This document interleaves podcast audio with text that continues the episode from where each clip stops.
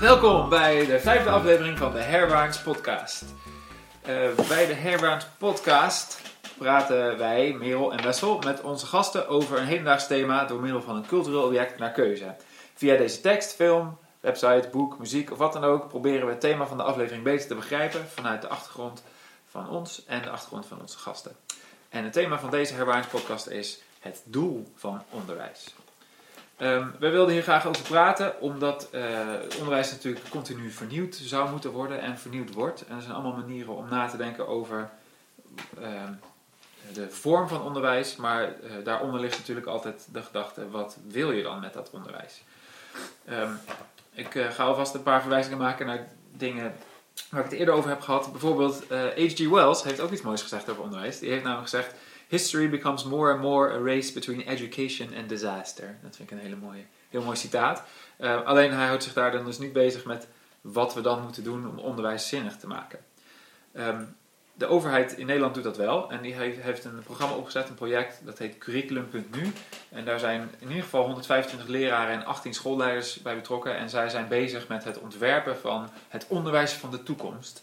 Um, en bij dat onderwijs um, wordt er dan natuurlijk aan verschillende pijlers gedacht. En uh, dan komt vaak een uh, hip jargon bij kijken, zoals 21st century skills, digitale geletterdheid, burgerschap, waar we het natuurlijk al eerder over hebben gehad in deze podcast. Luister allemaal aflevering 1. Um, ehm, en, en zulke soort dingen. Maar zoals we toen bij die podcast ook al hebben gemerkt, is dat vaak heel breed en slecht te definiëren. daar komt nog bij dat als je onderwijs wil maken, dan moet dat aansluiten bij wat je verwacht van de toekomst. En uh, omdat de toekomst zo veranderlijk is uh, op dit moment en de ontwikkelingen zo snel gaan, is dat heel moeilijk vorm te geven. Chef Drumme is een onderwijsvernieuwer die op een school werkt met een Agora-systeem, heet dat. Die schrijft: Wat heeft de leerling van vandaag nodig voor morgen? Wij kunnen met bijna absolute zekerheid zeggen dat we zeker niet weten hoe de wereld er over vijf jaar uitziet. En dat is dus de enige zekerheid die we hebben. Dat is die onzekerheid. We moeten leerlingen voorbereiden dat ze vastberaden de onzekerheid van morgen kunnen omhelzen. Oftewel, als je een programma wil maken met onderwijs voor mensen opleiden voor werk van over vijf of tien jaar, uh, dan is de enige zekerheid die je hebt dat je niet weet wat voor werk dat is. En Rutger Brechtman in zijn boek Utopia voor Realisten uh, voegt daar nog aan toe dat de vraag misschien überhaupt is of je wel Ehm, leerlingen moet voorbereiden op werk. Want nou, er zijn allemaal problemen met uh, werkloosheid en die gaan misschien alleen maar toenemen door automatisatie. De vraag is, willen we eigenlijk wel dat we een samenleving van werkende mensen hebben? Um, en daarnaast is, als je de vraag stelt, als je mensen wil voorbereiden op werk van de toekomst, dan zegt hij, nou dan kunnen we heel veel cynische accountants gebruiken, want die gaan voor de economie misschien iets goeds betekenen. Uh, maar dan zegt hij daar ook bij, maar dat is misschien niet wat wij prettig vinden en ook niet waar de maatschappij het meeste aan heeft. Dus vandaag gaan we dat uh, probleem eens even aanvliegen aan de hand van drie objecten. En onze gast van vandaag is Willemijn, met zijn aflevering 2. Hoi. Um, en uh, we gaan een soort chronologische aanvliegroute proberen. Dus we beginnen meteen met jou, Willemijn. nou, dankjewel. Um, ik heb een, um, uitgezocht een, een gedichtje uh, van Hieronymus van Alphen. Dat hij uh, heeft geschreven samen met wat andere gedichtjes in een bundeltje. In de 18e eeuw, tussen 1778 en 1782. En dat is toen ook gepubliceerd.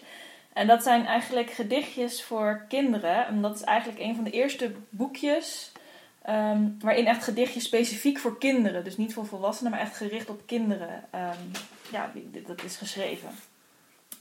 Staat het ook in de inleiding van het boek, dat is wel heel grappig. Van uh, ja, ik kan hiermee weinig roem behalen met het schrijven van gedichtjes voor kinderen, maar ik wil het toch. Uh, nou ja, toch wilde hij dat uh, wel doen, want hij vond het belangrijk. En volgens mij is het wel uiteindelijk een van zijn bekendste werken geworden, dus nou ja, hij had niet helemaal gelijk. Um, ik ga het gedichtje even voorlezen. Het heet De Pruimenboom, ene vertelling. Jantje zag eens pruimen hangen, o als eieren zo groot scheen dat Jantje wou gaan plukken, schoon zijn vader het hem verbood. Hier is, zei hij, noch mijn vader, noch de tuinman die het ziet. Aan een boom, zo volgeladen, mist men vijf, zes pruimen niet. Maar ik wil gehoorzaam wezen en niet plukken. Ik loop heen. Zou ik om een handvol pruimen ongehoorzaam wezen? Nee. Voort ging Jantje, maar zijn vader, die hem stil beluisterd had, kwam hem in het lopen tegen, vooraan op het middelpad. Kom, mijn Jantje, zei de vader, kom, mijn kleine hartdief, nu zal ik u pruimen plukken. Nu heeft vader Jantje lief. Daarop ging papa aan het schudden. Jantje raapte schielijk op. Jantje kreeg zijn hoed vol pruimen en liep heen op een galop. Nou, ik vind het zelf een heel leuk gedichtje. Ehm, het is ja, nu ontzettend tuttig, truttig misschien. Van, van oh, en hij doet dan het goede en dan krijgt hij er wat, uh, wat voor terug. Um, Steeds ook wel bekend gedicht. Ja, het is ook best een, een, een bekend gedicht. Um, en ja, ik dacht eerst van ja, wat, wat, wat tuttig. En, en is, doen we, nu doen we dat heel anders. En toen dacht ik van nou, eigenlijk ook weer niet. Um, als je Harry Potter leest of Peppa Big kijkt of, of, of Pokémon of weet ik veel wat, daar zit ook allemaal een moraal in van, van wat, wat is nou het goede om te doen. Um, dan misschien niet op deze manier. Misschien zou die dan um, wel die pruimen toch hebben geplukt en daarna hebben bedacht van oh, dat is niet zo goed, ik geef ze aan een arm iemand of zo. Dat is ja. meer hoe dat dan tegenwoordig uh, zouden veranderen. Omdat het volgens mij tegenwoordig meer hip is om toch wel iets slechts te doen, maar je dan weer nou ja, revancheren. Ja, precies. Om het dan weer goed te maken op een of andere manier. Maar um, nou ja, eigenlijk dat, dat, dat moraal dat erin zit, dat doen we eigenlijk nog steeds. Um, en wat ik ook heel leuk vind, is dit, dat dit een van de eerste dingen is geschreven voor, voor kinderen. En dat je nu ook ziet, bijvoorbeeld in lesboeken of in andere dingen, dat het ook steeds, dat mensen zich echt richten op de doelgroep. Als je kijkt hoeveel boeken er ook zijn voor kinderen of voor jeugd. Um, ja, daar wordt, dus het wordt heel erg in die leefwereld. En dat is hier een begin van gekeken naar de leefwereld van, uh, van kinderen. Um, ja, en, en wat, wat ik hiermee leuk vind, want dit, dit gaat ja, eigenlijk over, over op, opvoeding. Um, ja, waar, waar ligt die grens van, van onderwijs en opvoeding? Ben je thuis ook al bezig met, met onderwijs, met mensen dingen, met je kind dingen leren? Ja. Ben je op school ook bezig met opvoeden? Ja. En in hoeverre dan? En in hoeverre neem je dat mee of, of gaat dat door? Um, en ik denk juist het, het leren van um, een moraal, of dan in ieder geval inzicht bieden in wat is goed, wat is slecht, of wat vindt mijn maatschappij goed en slecht. En hoe ga je daar zelf als persoon mee om? Zoals Jantje, gaat hij het wel of niet plukken? Ik denk dat dat een hele leuke discussie is die je eigenlijk best wel in onderwijs kan voeren. Um, met, met leerlingen, met, met studenten op uh, verschillende manieren, in verschillende vakken. Um, en dat, ik denk dat voor mij dat wel een van de belangrijkere dingen is in het onderwijs. Um, ja, natuurlijk moet je, moet je ook die Franse woordjes leren, maar ja, dat dat ook juist van oké, hoe, hoe ziet mijn wereld eruit en wie ben ik in die wereld en hoe wil ik dat gaan doen en hoe kan ik mezelf daarin, hoe krijg ik inzicht in mezelf, in wat ik wil en hoe kan ik mezelf daarin ontwikkelen. En ik denk ja, dat dat dan niet uitmaakt of je in de 18e eeuw leeft of nu of welke eeuw dan ook, dat, dat je daar altijd wat aan hebt. Ja. En dat je dan ja. ja niet, niet, per se met de computer kan omgaan, nou ja, oké, okay, maar...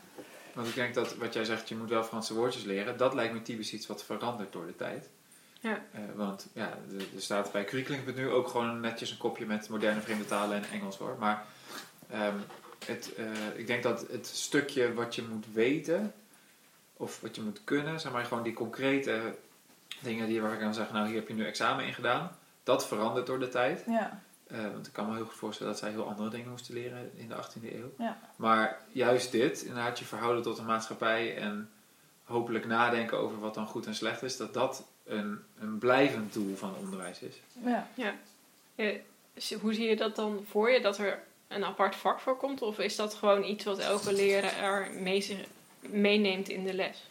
Het liefste dat laatste. Ja. ja. dat iedereen dat zelf meeneemt in de les. En dat Want, je dat ik kan me voorstellen dat als je, als je een les moraal hebt, dat dat, dat niet zou werken. Nee, dat, is misschien heel interessant bij 6 VWO, maar bij... Uh, oh, maar dan, dan wordt dat filosofisch. Verder, ja, precies. Ja. Maar verder is dat inderdaad niet... Maar je kan wel bijvoorbeeld bij Nederlands dit gedichtje erbij pakken. Of weet ik veel, zelfs bij scheikunde. Ga, dan, dan laat je iemand een stukje lezen en dan laat je iemand anders het proefje doen. En dan moeten ze daarna voor aan de klas gaan vertellen... Nou, wat, wat, heb, wat, heb je nu gedaan? En dan is het de ene ja. die zegt dan van nou, dit heb ik gelezen. En de ander heeft dat proefje gedaan. Nou, wat werkt nou beter? Het proefje doen of Dus op die manier kijken we ook hoe leer ik. Hoe, nou ja, dat, Ja, dus eigenlijk heeft elke leraar naast zijn, zijn vak, dus Frans of Ja. Scheikunde of eh, wiskunde of eh, whatever, heeft hij een opvoedkundige taak. ja, zo zie ik dat wel. En eh, waar, wat ik. Maar als je dat. Het enige wat ik zie, is als je dat laat doorslaan, dan kan het. ehm, zeg maar, dit is de manier waarop je mensen moet opvoeden en zo moet het in het kader. Begrijp je Ja, wat ik bedoel? zo. Nou, ik vind juist het, het, het, het idee dat je het, het gesprek erover aangaat. Dus ook in de klas, dat je bijvoorbeeld, ehm, weet ik veel, niet, niet mag praten door de docent heen. Ja, wa- waarom? Waarom mag je eigenlijk niet praten? Bedoel, Ja. ja. omdat ik het zeg? Nee, dat, dat heeft Ja. een reden. En dat je, dat je daar juist over gaat hebben. Of niet Want, eten want in, de in de tijd van dit gedichtje, eh, dit, dit gedichtje heeft hele duidelijke Ja. moraal. Dit is goed en ehm, als je iets goed doet, dan word je eh, eh, beloond. En als je iets niet goed, goed doet, wat, waar Jantje dus niet voor kiest, ehm, dan krijg je consequenties. En Ja. daarom kiest hij er niet Ja. voor. En dat is een, eh, zeg maar, de moraal is daar heel duidelijk. En ik denk dat het inderdaad goed is voor nu om niet te zeggen van bovenaf: dit is de moraal en hier gaan we ons houden, dit is goed. Maar in, inderdaad die discussie aan te gaan met Ja. elkaar: van oké, maar waarom vinden we dit dan goed? ja, en waarom- dat denk ik ook. Niet. Er zit wel een. een eh, ik denk dat we daar als Nederlandse samenleving, als ik in ieder geval kijk op mijn school en mijn ervaring met scholen, juist heel erg voorzichtig in zijn geworden om eh, vast te stellen wat we dan wel gemeenschappelijk belangrijk vinden of, of waar vinden. Want eh, ik denk dat ik een van de mooiste dingen aan een school vind dat je meerdere, of een middelbare school dan specifiek, meerdere docenten hebt. Mhm. En die Ja. hebben allemaal hun kijk op de wereld. En zelfs als ze er niks over zeggen, schemert dat door. Dus dat kan je dan allemaal even toetsen aan je eigen wereldbeeld. En uiteindelijk heb je bepaalde docenten, die kan je misschien niet uitstaan. Of die vind je slecht lesgeven. Maar je denkt wel misschien, oh, maar die heeft, ja, zo zie ik het ook. Of zo. Hm. En dat vind ik heel interessant. Ja. Ehm, maar wat dit gedicht doet, is echt, eh, nou, dit is, dit, dit is waar. En nou, wij zijn natuurlijk gewend om dat te zeggen, ja, vind jij? En dat is, dat is prima, dat lijkt me altijd een valide kanttekening. Maar, Maar- Wij, wij zijn gewend dat te zeggen omdat wij geleerd hebben Ja, ehm, omdat wij dit mogen bevragen. ja, ja, ja precies. Maar wat dat dus eh, ook een gevolg daar is van, van is, denk ik, dat moraliteit eh, in een les afgekeurd wordt.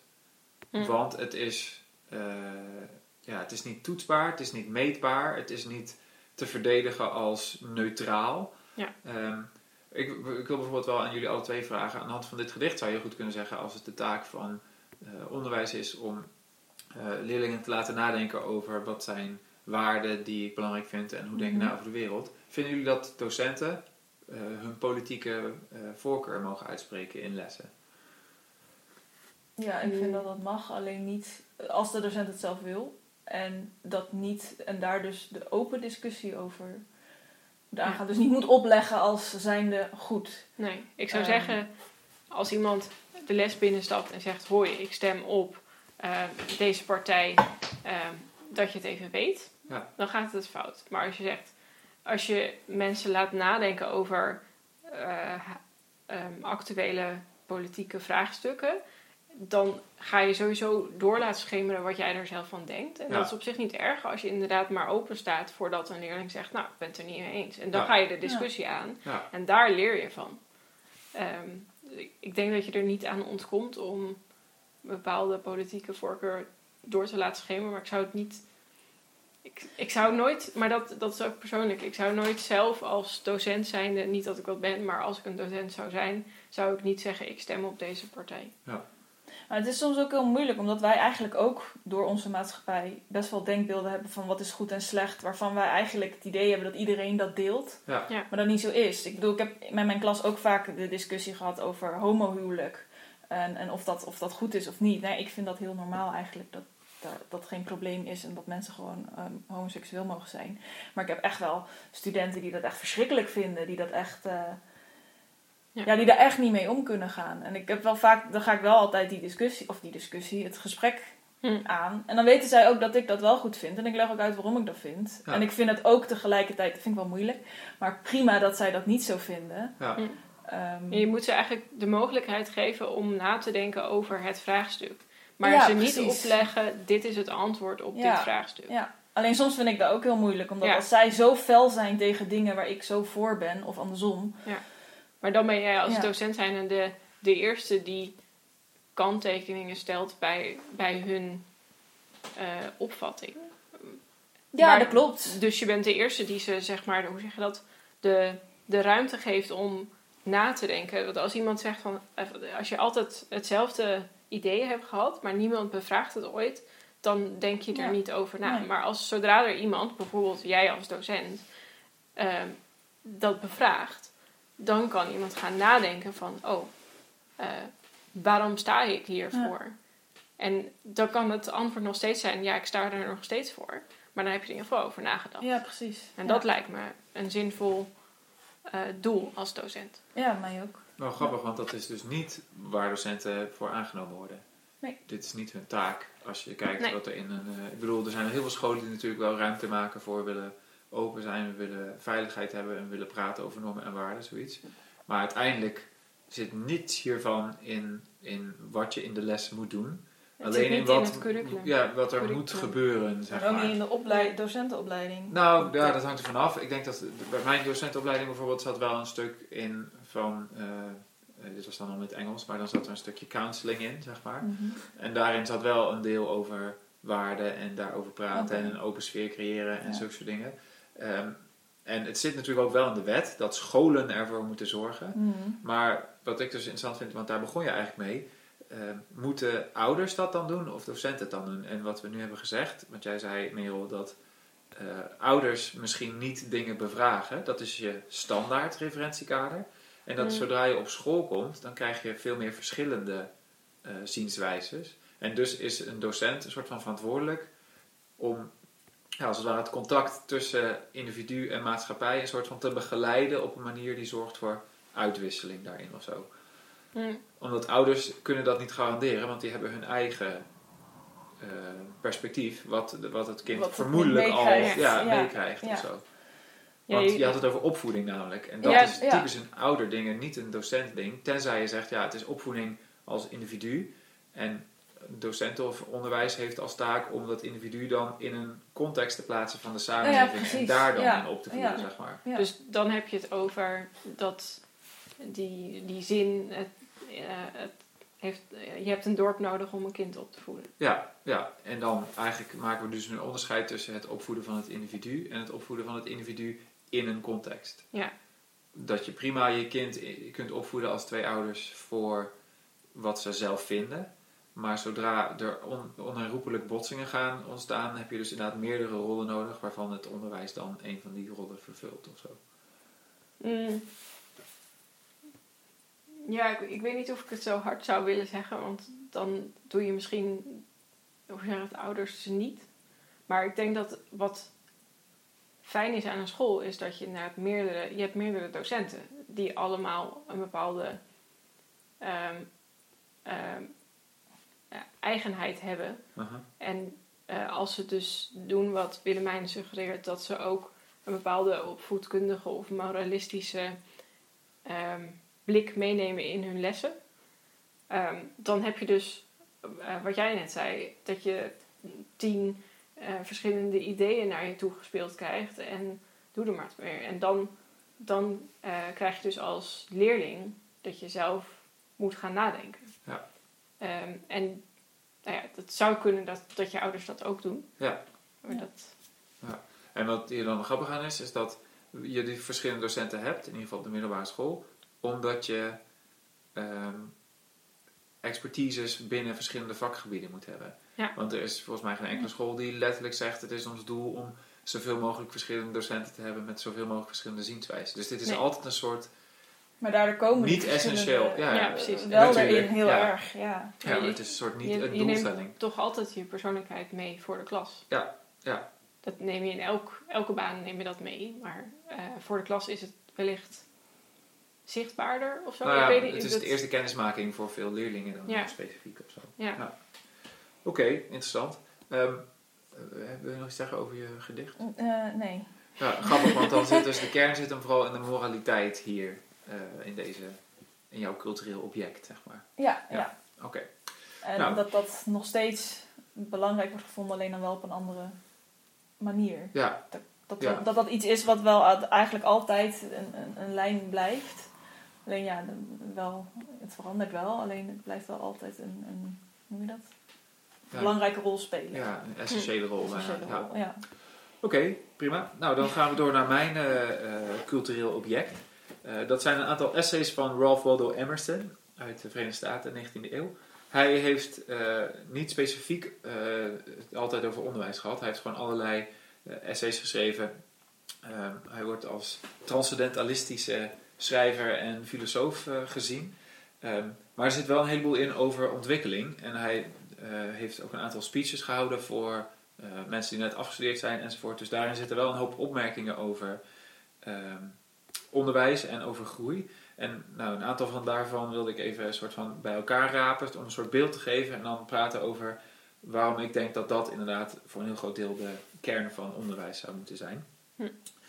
Ehm, om te beginnen in het essay, even kijken, New England Reformers, die dus waarschijnlijk is geschreven omdat binnen de staat New England daar eh, veel aan reform werd gedaan, maar niet per se op de manier zoals hij het wilde. Ehm, zegt hij, In alluding just now to our system of education, I spoke of the deadness of its details. But it is open to graver criticism than the policy of its members. It is a system of despair. The disease with which the human mind now labors is in want of faith. Men do not believe in a power of education. We do not think we can speak to divine sentiments in man, and we do not try. We renounce all high aims. We believe that the defects of so many perverse and so many frivolous people who make up our society are organic, and society is a hospital of incurables. Ehm, oftewel, onderwijs gaat alleen maar over het, het aanspreken van de laagste. En omdat we eigenlijk gewoon opgeven van ja, je kunt mensen niet hoge idealen brengen, je kunt ze niet allemaal dichters en filosofen maken. Laten we ze maar Latijnse klassiekers uit hun hoofd leren of zo. Ehm, dus eigenlijk zegt hij, het grootste probleem met onderwijs is dat je niet hoog mikt, maar mikt op een soort, eh, ja, nou ja, goed, laten we maar kijken of we er een soort van iets nuttigs voor kunnen maken voor de meeste mensen of zo. Eh, hij zegt in een ander essay, American Scholar, ehm, over colleges, zegt hij, They can only highly serve us when they aim not to drill, but to create. When they gather from far every ray of various genius to their hospitable halls, and, by the concentrated fires, set the hearts of their youth on flame. Dus niet drillen, niet dingen die jij belangrijk vindt of die we hebben bepaald dat nuttig zijn, op mensen leggen, zodat ze dat eh, onderdeel moeten worden, eh, onderdeel wordt van hun denken. Maar mensen bij elkaar verzamelen en ze eigenlijk bijna vrijelijk met elkaar laten interacteren. Ook de docenten daar natuurlijk bij. Waardoor je een soort enthousiasme smeet in ze. En ze juist op eh, niet, niet bezig gaan met wat andere mensen belangrijk vinden, maar wat ze zelf belangrijk vinden. Ehm, nou, dan ga ik even naar het belangrijkste essay waar ik uit wil citeren. Dat heet Mhm. Literary Ethics. Ehm, hij zegt: The whole value of history of biography is to increase my self-trust. By demonstration, what can, what can, what I can be, what man can be, sorry, what man can be and do. Ehm, het gaat er dus op dat alles wat je leert, alle eh, wijsheid, alle geschiedenis, alle wetenschap, jou eigenlijk alleen maar moet laten inzien dat mensen zich kunnen ontwikkelen tot iets groots en iets moois.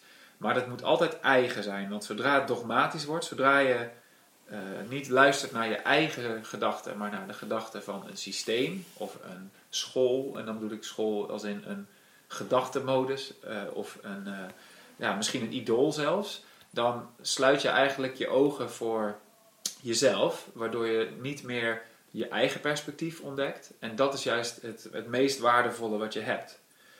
Ehm, hij noemt een aantal dingen op waar scholars, en daar wil ik dus studenten zeg maar even in brede zin onderscharen, waar die aan moeten voldoen. En hij zegt dat ze solitary, laborious, modest en charitable moeten zijn. Dit gaat helemaal niet over je moet hard werken of hard leren omdat je dingen moet kunnen of weten. Maar dit gaat over een soort modus waarin je moet verkeren om al die dingen alsnog te vergaren, maar dan door je eigen proces. En waarom moeten ze dan eenzaam zijn? Why must they be solitary and silent? That he may become acquainted with his own thoughts. Ze moeten alleen kunnen zijn, niet per se in plek, maar ze moeten ze independence of spirit hebben, Hm. zodat ze zelf kunnen leren denken en hun eigen perspectief daardoor dus onder woorden kunnen brengen. Nou, er zitten nog een heleboel andere citaten in. Ik weet niet of ik ze allemaal ga voorlezen. Maar in ieder geval, het komt er altijd op neer dat je als eh, student, en in dit geval gaat dat dan over de studenten die hij aanspreekt, maar heeft het in heel veel essays vooral over dichters of filosofen of eh, wetenschappers. Het cruciale element is dat ze zich moeten kunnen loswrikken van hun omgeving en daarmee zich kunnen openstellen voor inspiratie.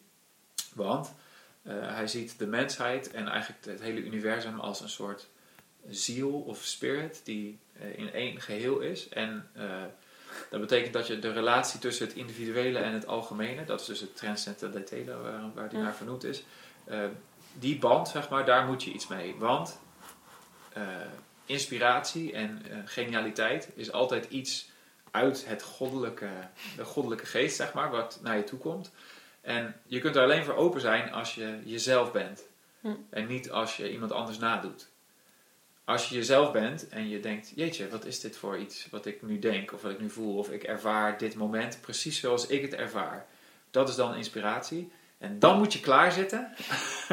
en dus alle training die je ooit zou moeten volgen in school is eigenlijk om je voor te bereiden op de momenten dat jij eh, iets unieks ervaart en iets unieks ziet of iets unieks denkt. Wat eigenlijk natuurlijk allemaal uit de algehele geest komt. Ehm, maar omdat het jouw vleeswording is eh, en daarmee jouw, ja, bijvoorbeeld dat je het opschrijft of dat je Mhm. het eh, in een theater verkondigt of dat je een wetenschappelijk inzicht hebt of zo. Hm. Je moet alleen maar trainen om te zorgen dat op het moment dat die gedachte er is, dat je kan zeggen: Oké, ik kan dit vangen, ik kan het van mij maken, zeg maar. Ja. Ja, nou goed, nogal hoogdravend dus. Ja.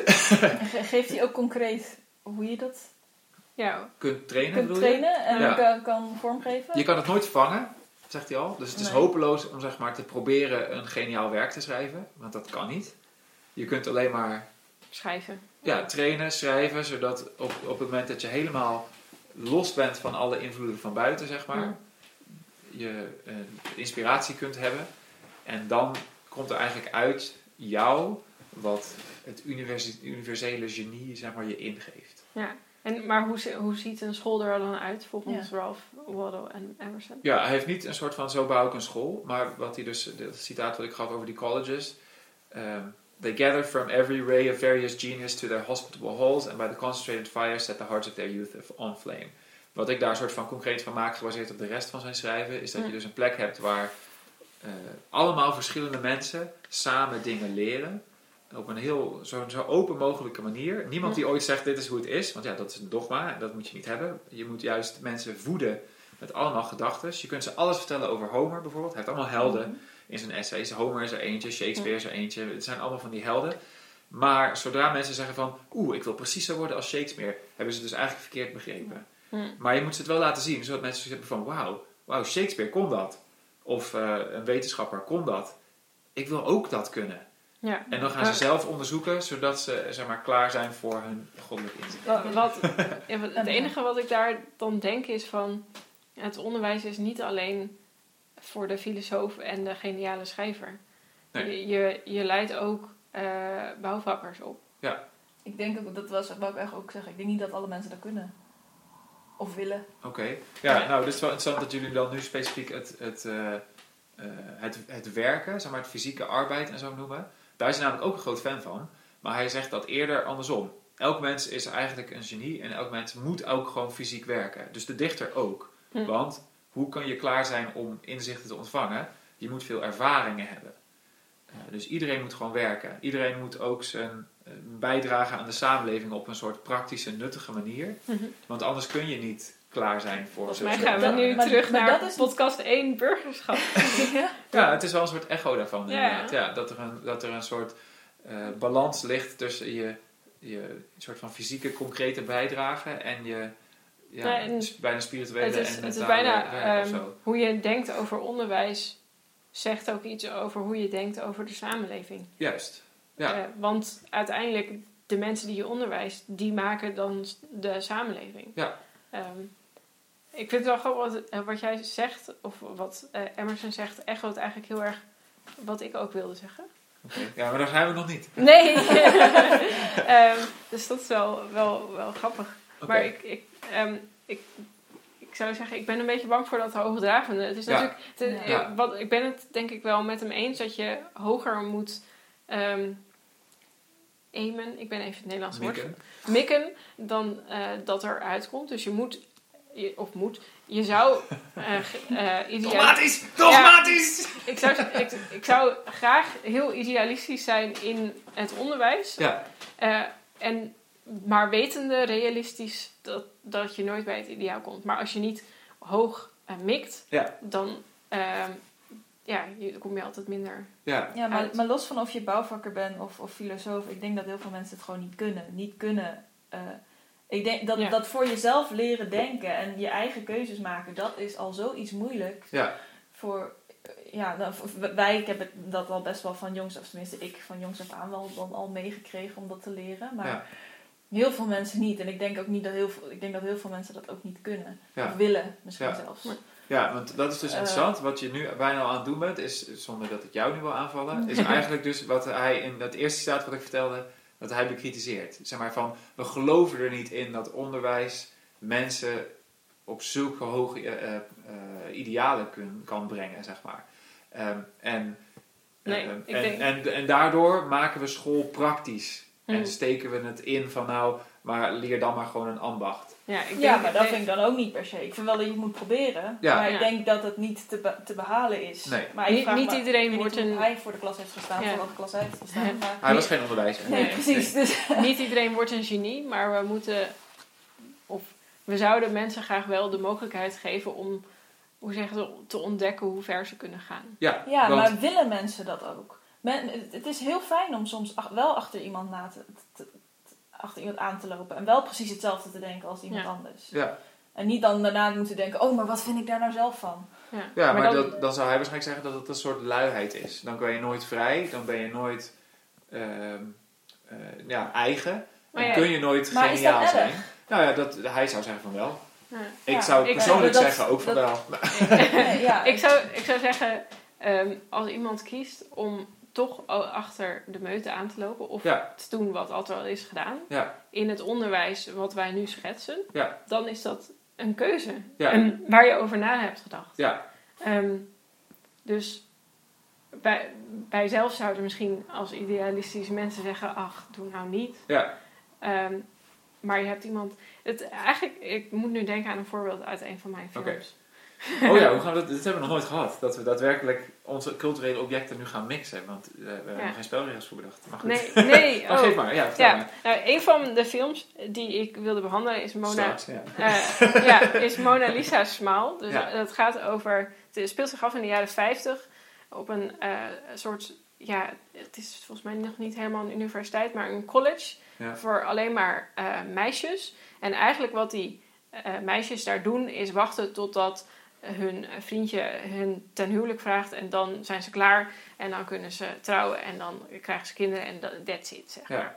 Ehm, en eh, dan komt er een heel erg bevlogen kunstgeschiedenisdocente Ja, en die eh, ehm, gaat daar de boel eens even flink opschudden. En ehm, ze eh, zegt van, kijk, er zijn ook andere opties in het leven. Ja. En dan heeft ze dus een van de meisjes die zij in haar eh, lessen hebben, Ja. die, kan, die krijgt toegang tot eh, Yale. Dus Ja. die kan rechten gaan studeren. Nou, eh, die kunstgeschiedenisdocenten helemaal in de zevende hemel van, Ja. oh wat fantastisch. En dan ehm, eh, eh, trouwt ze met haar vriend. Ja. En die vriend gaat naar eh, ergens heel erg ver weg van Yale. ja, Dus help. En dan komt ze helemaal enthousiast eh, naar het meisje toe. Ja, er zijn zoveel rechte scholen binnen eh, de straal van waar je gaat wonen met hem. Ja. Dus dan kan je het alsnog doen. Yes. En dan zegt, zegt dat meisje dus van... Ja, maar ik wil dat niet. Ja. Ik kies ervoor om thuis te zijn en voor mijn kinderen te zorgen. En Ja. die docent vindt dat natuurlijk wel moeilijk. Maar ze, ze uiteindelijk denk ik, maar dat is mijn interpretatie. Dus er zullen vast mensen zijn die een andere interpretatie hebben. Uiteindelijk denk ik dat die kunstgeschiedenisdocenten ook denken... Oké, maar ik heb haar in ieder geval laten zien dat, het, dat de optie er is. ja, En zij heeft zelf uit, uit eigen bege- beweging gekozen... Nee, maar ik wil mijn leven zo invullen. Ja. ja, maar ik denk wel dat Emerson het daar bijvoorbeeld wel heel erg mee eens was geweest. Ja. Als je uiteindelijk die keuze zelf maakt. Want belangrijker dan die goddelijke inspiratie nog is de eigenheid. Want zeg maar, dat is een vereiste voordat je überhaupt eh, een goddelijke eigenheid kan ont, eh, sorry, Ja. goddelijke in- eh, inspiratie kan ontvangen. Dus ehm, als deze persoon rechten ging studeren, maar dat eigenlijk niet zo graag wilde als eh, moeder zijn, dan was het sowieso niet gebeurd. Ja. En juist je eigen pad volgen ehm, is, is cruciaal. En dat is ook, als ik het even vertaal van de taal van de 19e eeuwse transcendentalisten naar eh, hoe scholen nu werken, is dat denk ik juist het cruciale stuk. Dus dat niet de, wat voorop staat, die goddelijke inspiratiestukjes, dat is Mm. een soort bijna spiritueel ding waar we het altijd over kunnen hebben of niet. Maar die, die eigenheid. Dus weg van het dogmatische, weg van je moet het op deze manier doen, ook weg van op deze manier vind ik dat de waarheid is. Maar Ja. alles verkennen, heel veel bezoeken, daar met veel mensen over praten op een soort eerlijke manier. Maar dus ook vooral heel erg de ruimte hebben om te luisteren naar wat jouw eigen wensen dan zijn en jouw Ja. eigen gedachten daarover. En het is niet zo dat eh, Emerson zou zeggen, eh, die eigen gedachten moet je een soort van in de woestijn in een hutje opschrijven en iedereen moet een dichter worden. Ja. Maar hij wil gewoon heel graag dat onderwijs niet gaat over reproduceren, maar over verkennen en daar zelf op reflecteren, zeg maar. Ja. Maar dat is eng. Dat is inderdaad heel eng. Ja. Ja. Ja. En het is ook onzeker in de zin dat je niet weet wat er uitkomt eh, of dat er überhaupt iets uitkomt. En dat is natuurlijk wat dit zo idealistisch maakt. Eh, als Rutger Bregman gelijk zou hebben en we hoeven binnenkort nooit meer te werken, dan is dit een heel eh, veel veiligere manier om je tijd te besteden. Want tot die tijd moet je geld verdienen. En als je allemaal je eigen keuzes maakt en je doet waar je van droomt, maar het levert geen geld op, dan is dat heel moeilijk voor heel veel mensen om te kiezen. Dus ja, ik, ik, eh, ik vind zelf altijd van dit boek, net, het is grappig dat jullie precies zo reageren als ik een soort samenvatting geef, dat het, dat het zo hoog mikt, dat je bijna er niks aan hebt, zeg maar. Mm. dat je denkt, wow, dat is, ja, ik, ik vind het heel tof dat je dit zegt, maar nou, wat jij zei, heb je wel eens voor een klas gestaan, zeg maar. Ja. Ja, Ehm, eh, en- ik, ja, ik zou dus zeggen, eh, niet de hele wereld bestaat uit filosofen. En eh, het is fijn dat je, dat je mikt dat er een paar filosofen zijn. Ja. Maar er zullen ook mensen inderdaad... Ja, maar wacht, want dan denk je, want zeg maar, timmermannen kunnen net zo goed goddelijke inspiratie hebben natuurlijk. Alleen Ja. die, die pakken dat anders. En zo zal ja, elk dus vak ik, ik heeft zou, dat wel. ik zou het niet, ik zou het denk ik inderdaad niet goddelijke inspiratie noemen. Maar ehm, ik, zou, ja, ik zou het een ander woord geven waardoor je dus iedereen vangt van eh, de spreekwoordelijke timmerman tot de filosoof. Die, dat ze, zij kunnen allemaal iets uit het onderwijs halen. En wat dat, dat iets noemt Emerson dan misschien goddelijke inspiratie. Ja. Ik, zou het denk ik anders verwoorden. Omdat je dus met inspiratie heel snel in het artistieke veld zit, zeg maar. Ja. Terwijl een timmerman heeft ook inspiratie nodig. Want Ja, ja, anders zeker. kan hij zijn werk niet doen. Ja, Dus daar zit ik een beetje mee. Dat, oké. dat Nou ja, die- maar laten we het dan zo zeggen. Als je, als je kijkt naar het vereiste ervan, dan is het dus dat je eh, bij jezelf bent en weet wat je zelf wilt. Dat je goede keuzes maakt voor jezelf. Als we het voorbeeld van jouw film nemen, Ja. zeg maar. Dus dat je dan ja, vol overgave bent wat je zijn wilt. En dat je daar je, je eh, vorm in vindt, zeg maar. Ja. En je eigenheid in kwijt kunt. Eh, en dan hoeven we het helemaal niet te hebben over dat spirituele dingetje waar Ja, hij het tijd over heeft. Ja. Maar dan is het wel zo dat je een soort van eh, hebt ontdekt wat jij wilde en dat ben je nu aan het doen. En daarom zit wat jij kunt zijn in dat werk. Hoe knullig het werk zelf ook is. Dat is echt Maar, totaal maar is, van dat, belang. is dat een lopend proces, proces of heb je dat op een gegeven moment gevonden? Eh, Want ik nee, heb het idee is dat ik dat een- nog steeds niet van mezelf weet. Nee, nee, het is een lopend proces. wel Ja. Hopelijk een stukje leven, maar... ja.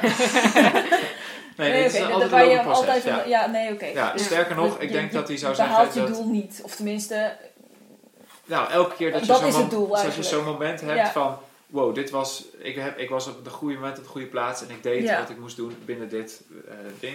Dan zou hij dus zeggen geïnspireerd, maar dat mogen we niet zeggen, want dan wordt het eng van. maar, maar dan, niet van jouw wereld, maar binnen het onderwijs. Dan, eh, dan heb je het goed gedaan. Ja. En dus behoud je dat doel, als het goed is in leven, Ja. mm, echt heel vaak. Eh, maar je kunt het nooit vangen. Nou, dan wil ik nog één citaat doen, want dat vind ik gewoon een soort mooi ding. En dat vind ik wel heel praktisch voor mijn leerlingen ook bijvoorbeeld. Eh, dat zijn dan eh, vooral dus eh, tweetalige VWO-leerlingen, dus misschien is dat anders inderdaad bij andere vakken, maar toch. Explore and explore. Be neither uh, chided nor flattered out of your position of perpetual inquiry. Neither dogmatize nor accept another's dogmatism. Oftewel, stel ik wil heel graag loodgieter worden. Hm. Laat je alles vertellen door alle loodgieters, maar kies uiteindelijk wat jij de beste manier vindt om te werken. Ja. En dat kan je echt op elk beroep toepassen en ook op Ja. elk niet-beroep. Ik bedoel, wat jij net zei, dat je moeder bent. eh, ik denk dat we op deze podcast nog niet hardop hebben gezegd dat dat echt op zijn minst net zo belangrijk is als Ja. alle banen die we kunnen bedenken. En Zeker. daarin moet natuurlijk ook eigenheid zitten. Ja. Maar als je geforceerd wordt om thuis ouder te zijn voor kinderen en Ja. je had eigenlijk liever rechten willen studeren bijvoorbeeld, Exact. dan gaat dat dus ook niet lukken. Nee. Oké, nou mooi. Dan kunnen we nu door naar de films. Sorry, ik heb je echt drie keer tegengehouden, maar... Nou, dat geeft niet. Ehm, ja, ik had een drietal films uitgekozen. ehm, naast Mona Lisa's, maar ook Dead Poets Society en An Education. En Dead Poets Society en Mona Lisa Smile spelen allebei af in de jaren 50 in Amerika. En An Education in de jaren 60 in Engeland. En wat zij gemeen hebben, deze films, is ehm, dat de school als heel erg dwingend wordt ervaren. Dus eh, in Mona Lisa Smile, zoals ik net zeide, is het eigenlijk gewoon een soort van tijdverdrijf tot wat ja, ten huwelijk wordt gevraagd. En ehm, het tijdverdrijf is ook nog eens zo dat dus die kunstgeschiedenisdocenten komt de eerste keer voor de klas. En dan denken ze, nou, we gaan beginnen met hoofdstuk 1 van de syllabus. Maar het blijkt dat ze de hele syllabus en alle bijlagen en extra eh, leesmaterialen al gelezen hebben en helemaal uit hun hoofd kennen. Dus er is eigenlijk niks meer Ik wil daar ook werken. er is eigenlijk niks meer om te leren. En bij Dead To- Poets Society bijvoorbeeld is, is het ook heel erg strikt van we volgen het lesboek en dit is, dit is hoe we het doen. Ehm, en wat daar eh, bijvoorbeeld ook nog is, dat een van de hoofdpersonen die wordt door zijn vader heel erg gedwongen om, ehm, nou ben ik heel even vergeten wat het was, volgens mij was het medicijnen. Eh, dus hij moet medicijnen studeren. Ja. Maar ja, dat wil hij natuurlijk niet. Hij wil acteur worden. En Dus dat is een clash. En dat is ook. De school wil ook niet dat, dat een van zijn leerlingen ehm, acteur wordt. Dus je moet een goed beroep volgen. En dat doe Ja. je volgens dit termijn. Dus, en in alle drie de films zit je in een enorm keurslijf. Ja. Eh, dus, ehm, en in alle films hebben de personages daar moeite mee. Ehm, en komt er een docent die hun een andere blik laat zien. Dus in Dead Society komt er een Engelse docent. Ja. Die de beroemde quote, John Keating heet hij. Ehm, er is een heel beroemd citaat uit deze film. Ik ga hem niet opnoemen, want het is een heel lang stuk.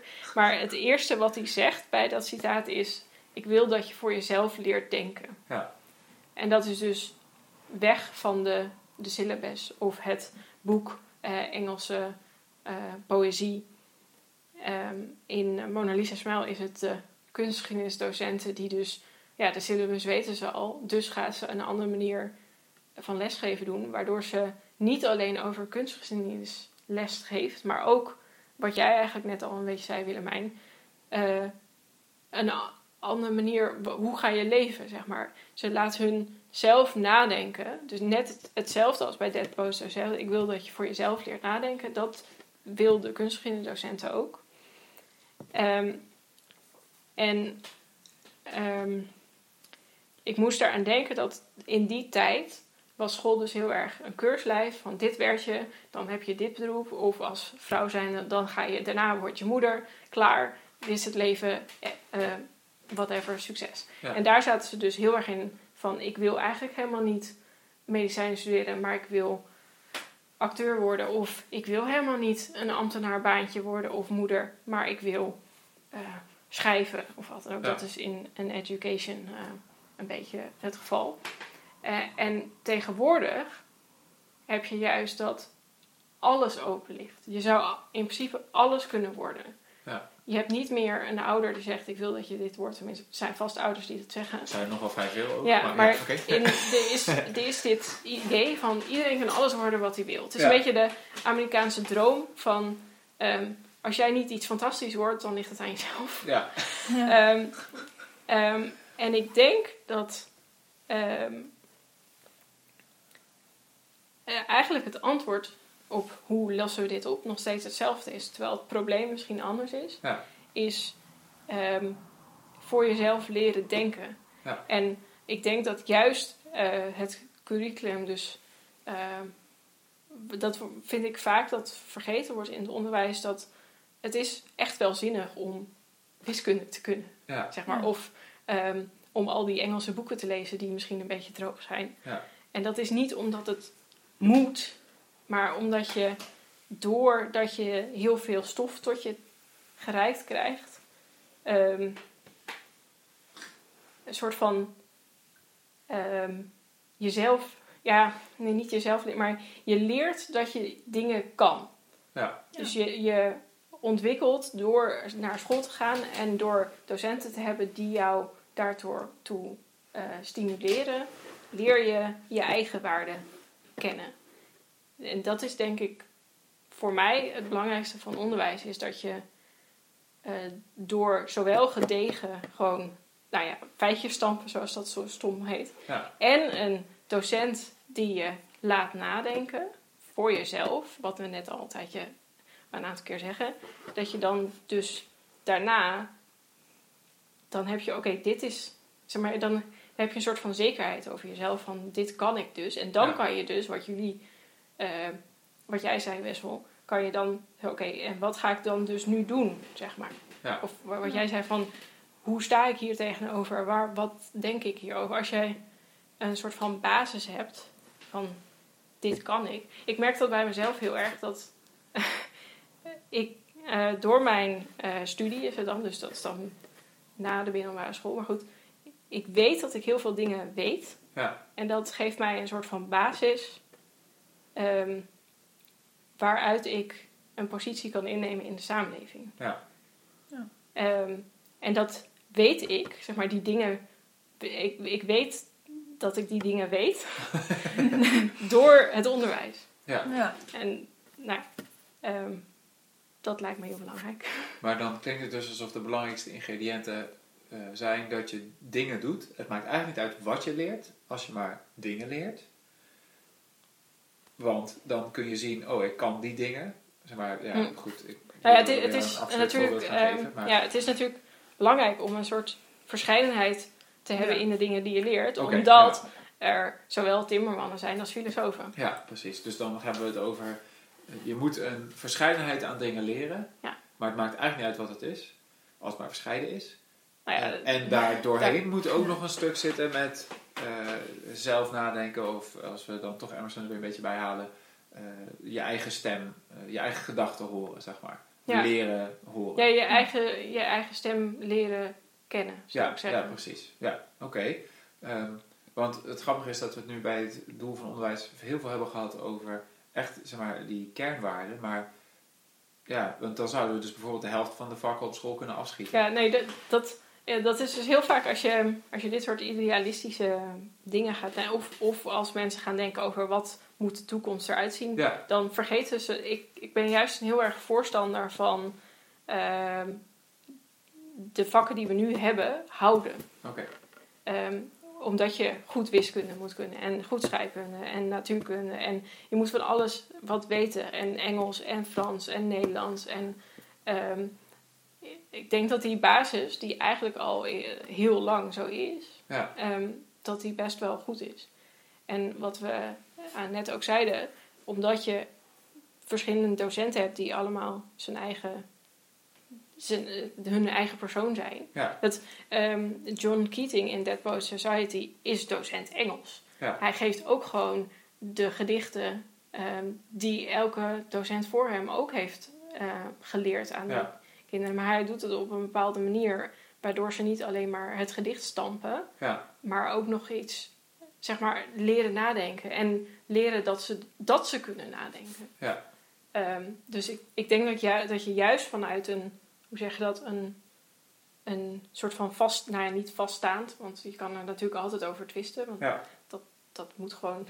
ja. Dat verandert door de tijd heen, ja, aan het begin Maar dus ja. als, je, als je een bepaald curriculum hebt, dan kan je van daaruit, dus met, door middel van die vakken, ehm, ja, leerlingen ehm, leren dat ze iets kunnen. Ja. Ik vind het ook wel grappig, want ik heb dus een hekel aan cijfers geven. eh, ook al ben ik docent. Ja. Maar wat jij hierin hebt zitten is een stuk van... Om mensen te leren dat ze iets kunnen... Moet er dus op een gegeven moment worden gezegd... Je kan dit, met een soort stempel. Of zeg maar, iemand die er verstand van heeft moet zeggen... Je hebt een 8. Ja. Want als dat een aantal keer gebeurt... En je, je, ik hoor jou nu al twijfelen aan... Ja, het hoeft geen 8 te zijn. Of het hoeft niet een cijfer te zijn of zo. Maar er moet dus wel op een gegeven moment een soort eh, waarde aan worden gehangen. Niet omdat die waarde zo belangrijk is... Maar omdat het voor leerlingen of mensen dus... Laten we, ik zeg, waarom zeggen we eigenlijk leerlingen? Gewoon mensen, want iedereen Mhm. is ooit een leerling. Mensen, belangrijk is om erachter te komen... Oh, dit kan ik. Ik, Ja. heb, ik kon dit eerst niet, nu kan ik het. Dit vind ik nog steeds moeilijk, maar ik heb me er doorheen geploeterd. Hier Ja. was ik altijd al goed in en toen deed ik geen werk meer en ja, nu bevredigt het niet meer. Gewoon dat zulke soort eh, Ja. inzichten Kijk, het- kan natuurlijk averechts werken als iemand alleen maar onvoldoendes krijgt. Of heel hard werkt en dan het cijfer niet correspondeert met wat hij zelf denkt dat hij er hard aan gewerkt. Dat, dat is ontmoedigend. En, Maar juist wel heel belangrijk, moet ik zeggen. Vooral die tweede. Ja, Maar goed, ja, sorry. Ehm, eh, dus ehm, ik, kan me, ik kan me voorstellen dat je, dat je moeite hebt met het schrijven van een cijfer. Want het is, het is wel een stempel. Maar Ja. kijk, eh, als ik me uit mijn eigen- ervaring spreek, dan bij mij heeft de stempel altijd goed gewerkt. Maar dat komt ook omdat het altijd een fijne stempel was. Ja, Ehm, maar het heeft mij wel gezorgd van, oh, dit kan ik dus. Ja. Ehm, dus ik, ik, ja, ik, ik ben dus eigenlijk stiekem best wel een voorstander van een soort van traditioneel onderwijs. Maar wel met de, de mogelijkheid die er dus in de jaren 50 niet was. ja, ehm, of nauwelijks was, want die zowel John Keating als de kunstgeschiedenisdocenten worden ehm, ontslagen. Ja. nou, de- de- niet, worden niet, nee, die kunstgeschiedenisdocent wordt officieel niet ontslagen, maar nou ja, Ja. komt er wel op neer. Ehm, ehm, dus ik, ja, ik denk dat een basis van het traditioneel onderwijs met daarbovenop de mogelijkheid als docent om je leerlingen dit mee te geven, ja. juist heel nuttig is. Dus dan is het een soort combinatie tussen die twee factoren. Ja. Want, eh, ja, ik, het is grappig dat je een soort van de discussie voor een ideaal onderwijs een soort van terugbrengt. Ja, maar het moet ook een praktisch, Ja, eh, vorm hebben om, of zo. om eens een heel suf voorbeeld te geven. Ik heb bij een, ehm, een eh, winkel gewerkt waar ze allemaal fruit en groenten verkochten.